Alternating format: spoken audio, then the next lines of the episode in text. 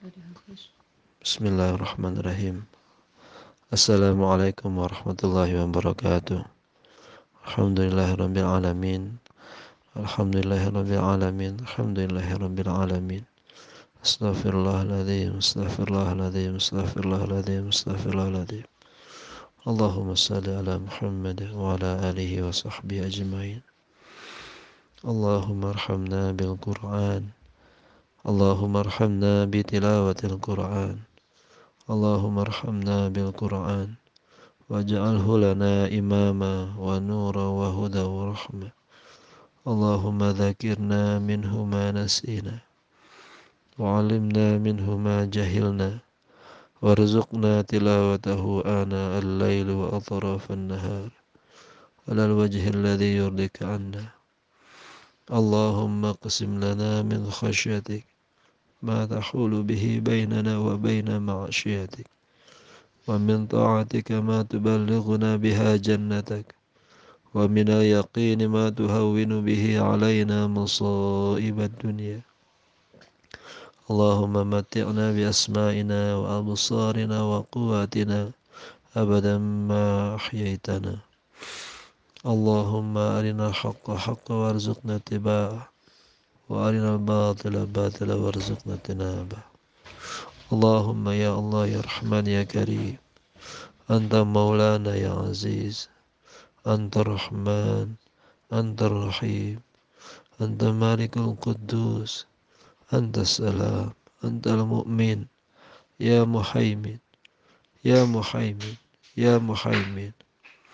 اللهم أنت ربنا. لا إله إلا أنت. سبحانك. إني كنت من الظالمين. اللهم لك الحمد أنت نور السماوات والأرض ولك الحمد أنت قيوم السماوات والأرض ولك الحمد أنت رب السماوات والأرض ومن فيهن. أنت حق ووعدك الحق ولقاؤك حق ولقاؤك حق وقولك حق والجنة حق والنار حق والنبيون حق ومحمد صلى الله عليه وسلم حق والساعة حق. اللهم لك أسلمنا اللهم لك أسلمنا وبك آمنا وعليك توكلنا وإليك نبنا وبك خاصمنا. وإليك حاكمنا فاغفر لنا ما قدمنا وما أخرنا وما أسررنا وما أنت أعلم به منا. أنت المقدم وأنت المؤخر وأنت على كل شيء قدير. اللهم اهدنا فيمن هديت وعافنا فيمن عافيت وتولنا فيمن توليت. اللهم اهدنا فيمن هديت وعافنا فيمن عافيت وتولنا فيمن توليت وبارك لنا فيما أعطيت وقنا برحمتك شر ما قضيت إنك تقضي ولا يقضى عليك إنه لا يذل من واليت ولا يعز من عاديت تبارك ربنا وتعاليت لك الحمد على ما قضيت ولك الشكر على ما أعطيت نستغفرك اللهم من جميع الذنوب والخطايا ونتوب إليك اللهم أنت السلام ومنك السلام وإليك يعود السلام اللهم يا الله يا رحمن يا كريم Kala Tuhan yang telah memberikan keimanan pada kami. Kala Tuhan yang maha besar. Kala Zat yang maha mulia. Kaulah yang memberikan keimanan dan menambah keimanan kami. Ya Allah yang maha pengampun. Ampuni dosa-dosa kami ya Rabb. Ampuni kesalahan yang kami lakukan. Baik nyata maupun tersembunyi. Ya Allah ya Tuhan kami. Pada sore hari ini kita sudah selesaikan tilawatil Quran. Kami sudah selesaikan tilawatil Quran 30 juz selama tiga hari. Dalam momen ini ya Allah, memohon Muliakan kami dengan Quran. Muliakan kami dengan tilawatil Quran. Muliakan kami dengan kebersamaan bersama Quran. Jadikan kami sebagai hambamu yang dekat dengan Quran. Ya Allah ya Tuhan kami. Engkaulah penolong kami dalam kondisi ini. Jadikanlah tilawah ini sebagai hujah kami di dunia dan di akhirat. Jadikan tilawah kami sebagai penolong kami di dunia dan di akhirat. Jadikan tilawah ini sebagai pelindung kami di dunia dan di akhirat. Ya Allah ya Tuhan kami. Ampuni kami kalau salah mengurus diri ini. Ampuni kami kalau salah mengurus keluarga kami. Ya Allah, berikan kami petunjukmu yang benar. Berikan kami kebaikan petunjukmu yang benar. Ya Allah, ya Tuhan kami. Jadikanlah setiap huruf yang kami baca adalah kebaikan. Sebagaimana janji Rasulmu. Setiap huruf bernilai sepuluh kebaikan. Ya Allah, ampuni kalau kami tidak lurus niat. Ampuni kalau kami salah niat. Ampuni kalau niat kami bukan hanya untukmu. Ya Allah, Ya Rahman, Ya Karim. Jadikan kami makhlukmu yang ikhlas. Ya Allah, Ya Tuhan kami. Jadikan tilawah ini sebagai hujah kami. Di, mana tidak ada lagi hujah selain hujah ini. Kau janji pada kami. Kau janji pada kami bahwa tiap huruf akan menjadi kebaikan buat kami. Kejadi pada kami bahwa perniagaan dengan Quran dan perniagaan yang tak pernah rugi. Ya Allah ya Tuhan kami, ampuni dosa kami dengan tilawah kami. Meskipun tilawah kami belum sempurna, meskipun tilawah kami belum banyak, tapi ampuni kami ya Allah. Kalau engkau tidak mengampuni, siapa yang akan mengampuni kami? Siapa yang akan memberikan ampunan pada kami ya Allah? Ya Allah ya Tuhan kami. Ampunilah negeri ini ya Rabb. Lindungilah bangsa ini ya Allah. Sudah berapa minggu kami di rumah ya Allah. Penuh dengan rasa takut. Rasa harap. Rasa cemas. Kan makhlukmu yang bernama Corona. Ya Allah ya Tuhan kami. Jadikan ketakutan kami hanya untukmu. Jadikan kami keyakinan kami hanya padamu. Bahwa makhlukmu tidak bisa melakukan apa-apa kecuali dengan izinmu. Ya Allah ya Tuhan kami, bebaskan negeri ini dari wabah. Bebaskan negeri ini dari wabah. Jauhkan keluarga kami dari wabah. Jauhkan anak dan istri kami dari wabah. Lindungi keluarga kami dari wabah ya Allah agar bangsa ini bersih. Ya Allah ya Tuhan kami, berikan kami solusi, berikan kami jawaban. Ya Allah, di Ramadan yang bersih ini, kami mohon ya Allah, angkatlah wabah ini. Angkatlah wabah ini dan biarkan kami kembali ke masjid-masjid kami. Izinkan kami kembali ke masjid-masjid kami. Izinkan kami bermunajat kembali di masjid-masjid kami. Meskipun kami tahu tidak sempurna ibadah kami. Tapi izinkan ya Allah. Kami ingin kembali berkumpul salat berjamaah di masjid-masjid kami.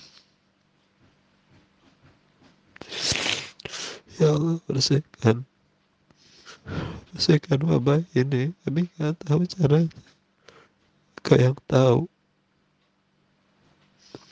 Moga dengan khatamnya kami, Kau berkenan mengangkat. Kau berkenan menjaga kami semua dari wabah ini. Semoga dengan tilawah yang tidak seberapa ini. Berkenan membersihkan Indonesia dari corona ini. Membersihkan dunia dari corona. Ya Allah ya Tuhan kami. Pasti ada pesan yang ingin kau sampaikan pada kami. Ampuni kami. Kalau belum bisa menjaga pesanmu ya Allah. Jauhlah ya Tuhan kami. Kami mohon dengan kerendahan kami. Ya Malikul Kudus, Engkau yang akan menjaga kami, ya Allah. Berahmatika ya Arhamar Rahimin. La ilaha illa anta subhanak. Inni kuntu minal zalimin. La ilaha illa anta subhanak. Inni kuntu minal zalimin. Subhana rabbika rabbil izzati amma yasifun. Wassalamun ala muslim. Alhamdulillah rabbil alamin.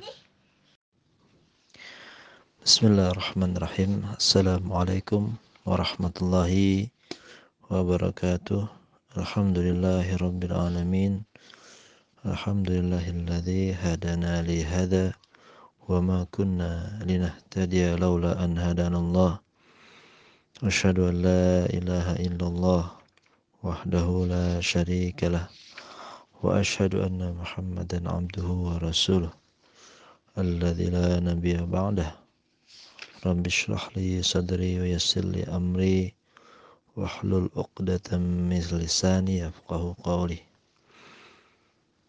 Alhamdulillah Bapak Ibu peserta tahfidz online peserta kuantum tilawah metode tes pagi hari ini Allah Subhanahu wa taala memberikan kita kenikmatan yang sungguh besar sungguh luar biasa di hari ke-11 Ramadan semoga dalam 10 hari pertama Ramadan kita bisa memaksimalkan waktu yang kita miliki untuk bisa bercengkerama lebih baik dengan Al-Quran, berlelah-lelah dengan Quran, mencoba untuk menjadi sahabat Al-Quran. Salat assalam kita sampaikan pada uswah kita Nabi Allah Muhammad sallallahu alaihi wasallam beserta para sahabat para tabi'in, tabi'ut tabi'in, para ulama, para ustadz, dan orang-orang yang menjadi jalan hidayah kepada kita agar Allah Subhanahu wa taala kemudian memuliakan mereka dunia dan akhirat insyaallah.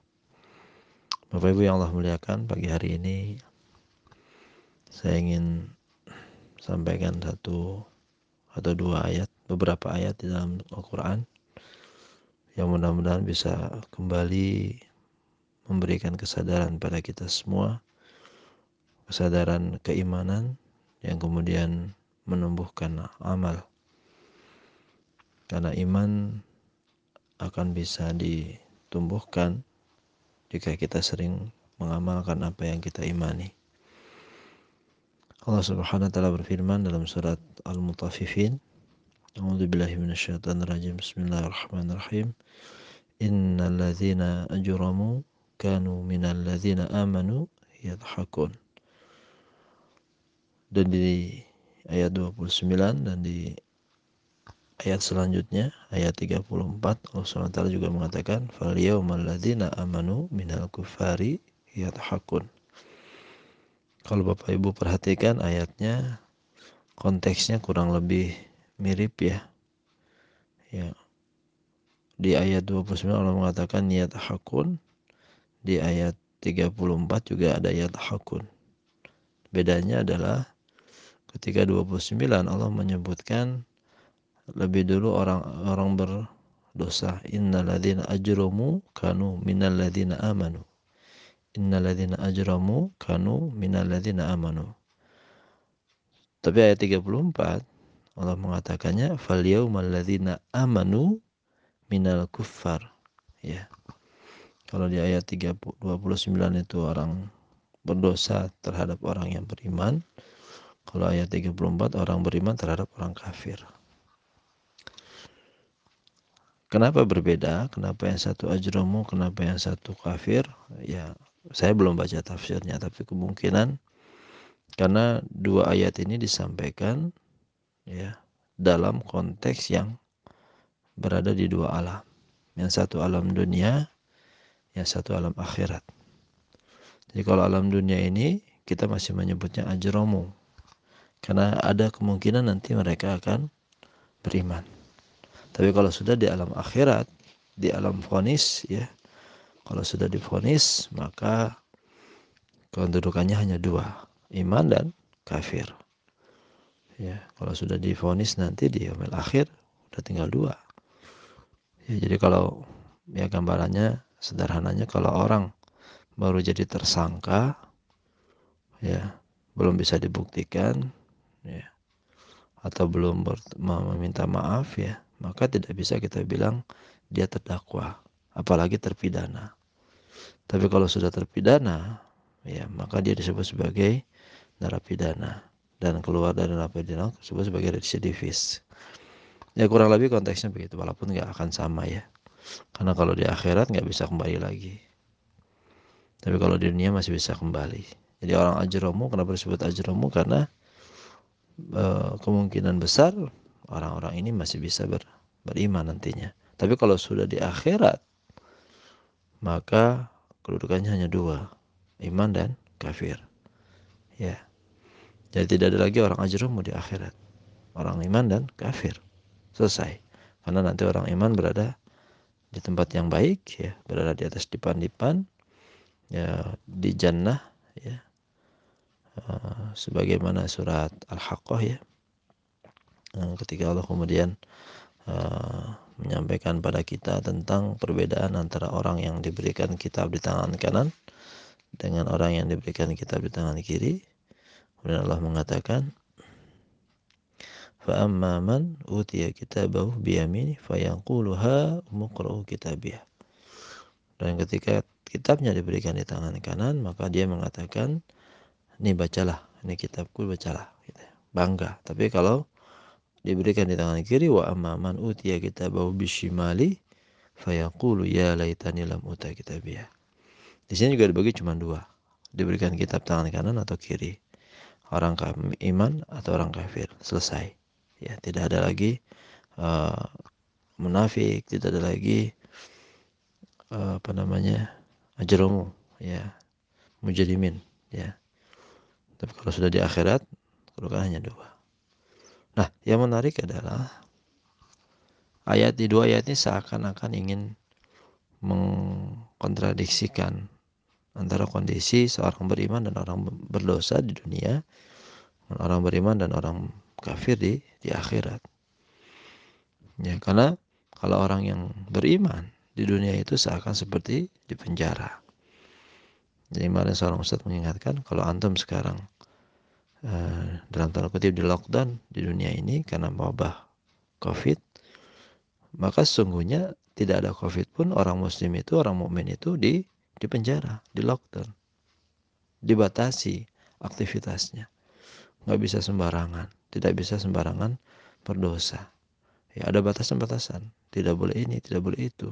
Harus melakukan ini, harus melakukan itu. Ya orang orang mukmin memang begitu. Tapi kalau sudah di akhirat orang mukmin itu bebas. Ya kalau orang apa namanya orang berdosa, orang kafir enggak perlu. Di dunia mereka tidak akan ya justru karena dia tidak mengindahkan aturan Allah Subhanahu wa taala ya kemudian tidak boleh makan babi misalkan uh, terus dilanggar maka uh, itu yang kemudian jadi uh, mereka seakan-akan dunia itu bebas padahal di akhirat lah yang insya Allah lebih lebih bebas insya Allah apa kata Allah swt Innal ladzina ajramu kanu minal ladzina amanu yathakun. Sungguhnya orang-orang berdosa adalah mereka yang dahulu menertawakan orang-orang yang beriman.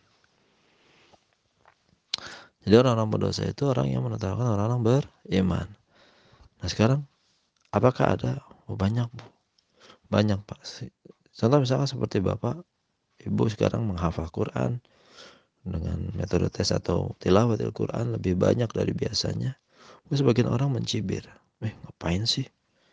Kan kita banyak pekerjaan. Eh kayak nggak punya kerjaan aja. Eh kamu kan ngafalin karena nggak punya kerjaan. Jadi seakan-akan orang yang menghafal Quran, yang baca Quran banyak itu adalah orang yang yang nganggur, ya. Padahal kenyataannya tidak juga. Padahal yang ngomong ke kita itu ya dia yang lebih nganggur daripada kita. Tapi cibiran, hinaan, atau ya minimal e, mengasingkan gitu ya. Itulah bagian dari kehidupan kita sebagai orang beriman di dunia ini. Jadi jangan aneh kalau kemudian ketika kita menghafal Quran, ketika kita membaca Al-Quran lebih banyak, orang akan memandang kita dengan pandangan yang yang aneh gitu eh soleh soleh teing gitu soleh soleh banget sih baca Qurannya banyak ya karena memang itu kondisinya. Walaupun yang menghina kita itu masih ada kemungkinan untuk beriman. Makanya disebutnya masih ajromu. Ya. Nah. Wa idza maru bihim yataghamazun wa idza qalabu ila ahli munqalabu fakihin wa idza ra'awhum qalu inna haula ila dhallun dan pada puncaknya kita akan disebut sebagai orang-orang yang sesat dan apabila mereka melihat orang mukmin mereka mengatakan sungguhnya mereka benar-benar orang yang sesat ini kalau di dunia. Ya, jadi kalau kondisi ini terjadi pada kita hari ini, misal ya, mudah-mudahan tidak, maka kita harus bahagia karena kita sedang berada dalam proses yang benar. Makanya kalau saya pribadi tidak pernah menyandarkan kebenaran itu pada pendapat orang. Ya, jadi orang mau melihat apa? Contoh ketika saya dulu keluar dari PNS tahun 2016, setelah tujuh tahun saya mengabdi di PNS, di menjadi abdi negara, saya keluar karena ada amanah di metode tes, banyak orang kemudian menyayangkan. Mungkin sebagian menertawakan. Bagaimana nanti oh, nggak dapat ini nggak dapat dan sebagainya. Tapi saya pribadi tidak pernah menyandarkan uh, nilai-nilai kebenaran itu dengan pendapat orang. Walaupun saya juga tidak kemudian merendahkan mereka, tapi juga saya tidak menjadi lemah karena cibiran dan hinaan itu. Masa saya yang lulusan ITB orang teknik menjadi guru ngaji itu kan. Tapi saya pikir uh, hadis Rasulullah sudah benar. Ya walaupun bukan berarti saya mengajak Bapak Ibu untuk keluar dari pekerjaan dan menjadi guru ngaji bukan.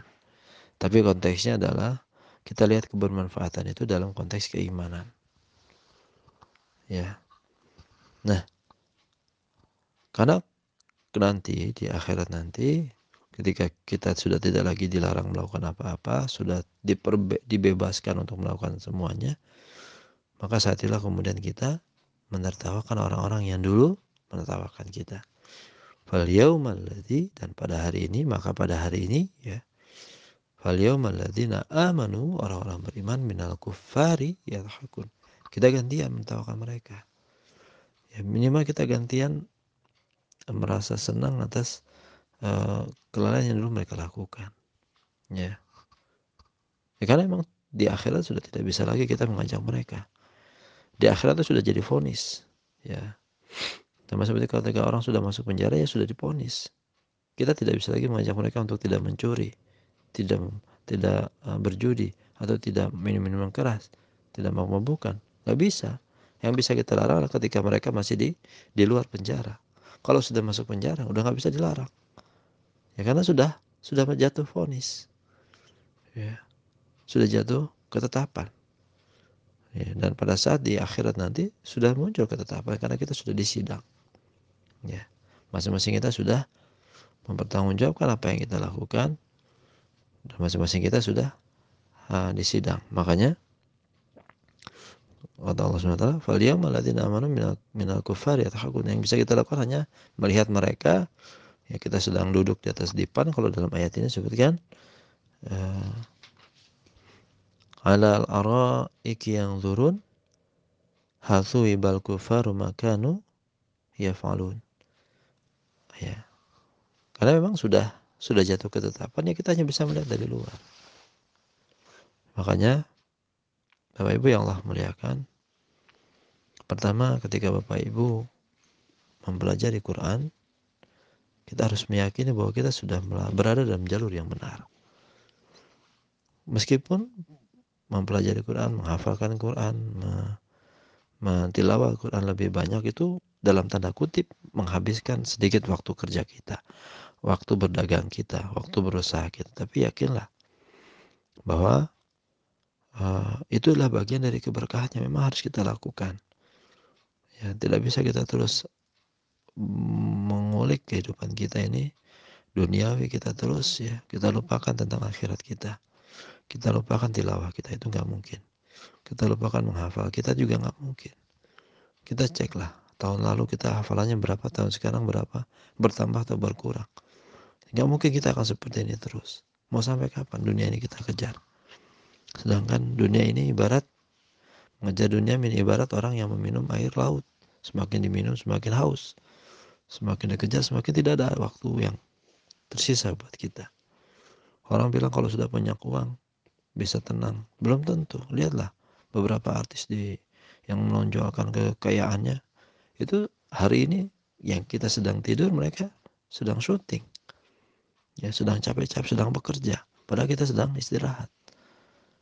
Jadi inilah yang kemudian harus kita pahami Bapak Ibu yang Allah muliakan bahwa Allah sudah milik kita hari ini dan mari kita gunakan pilihan Allah itu dengan baik.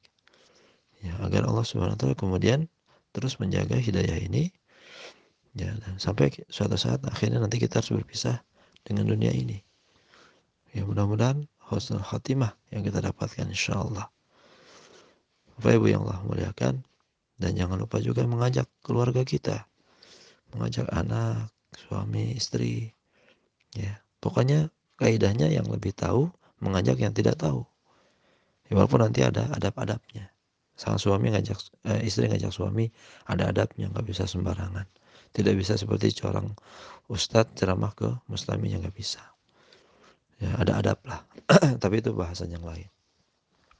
Tapi niat kita harus ada mengajak adik kakak itu harus diajak. Perkara setelah itu dia nggak mau ya itu urusan mereka. Tapi kita masih terus harus mengajak.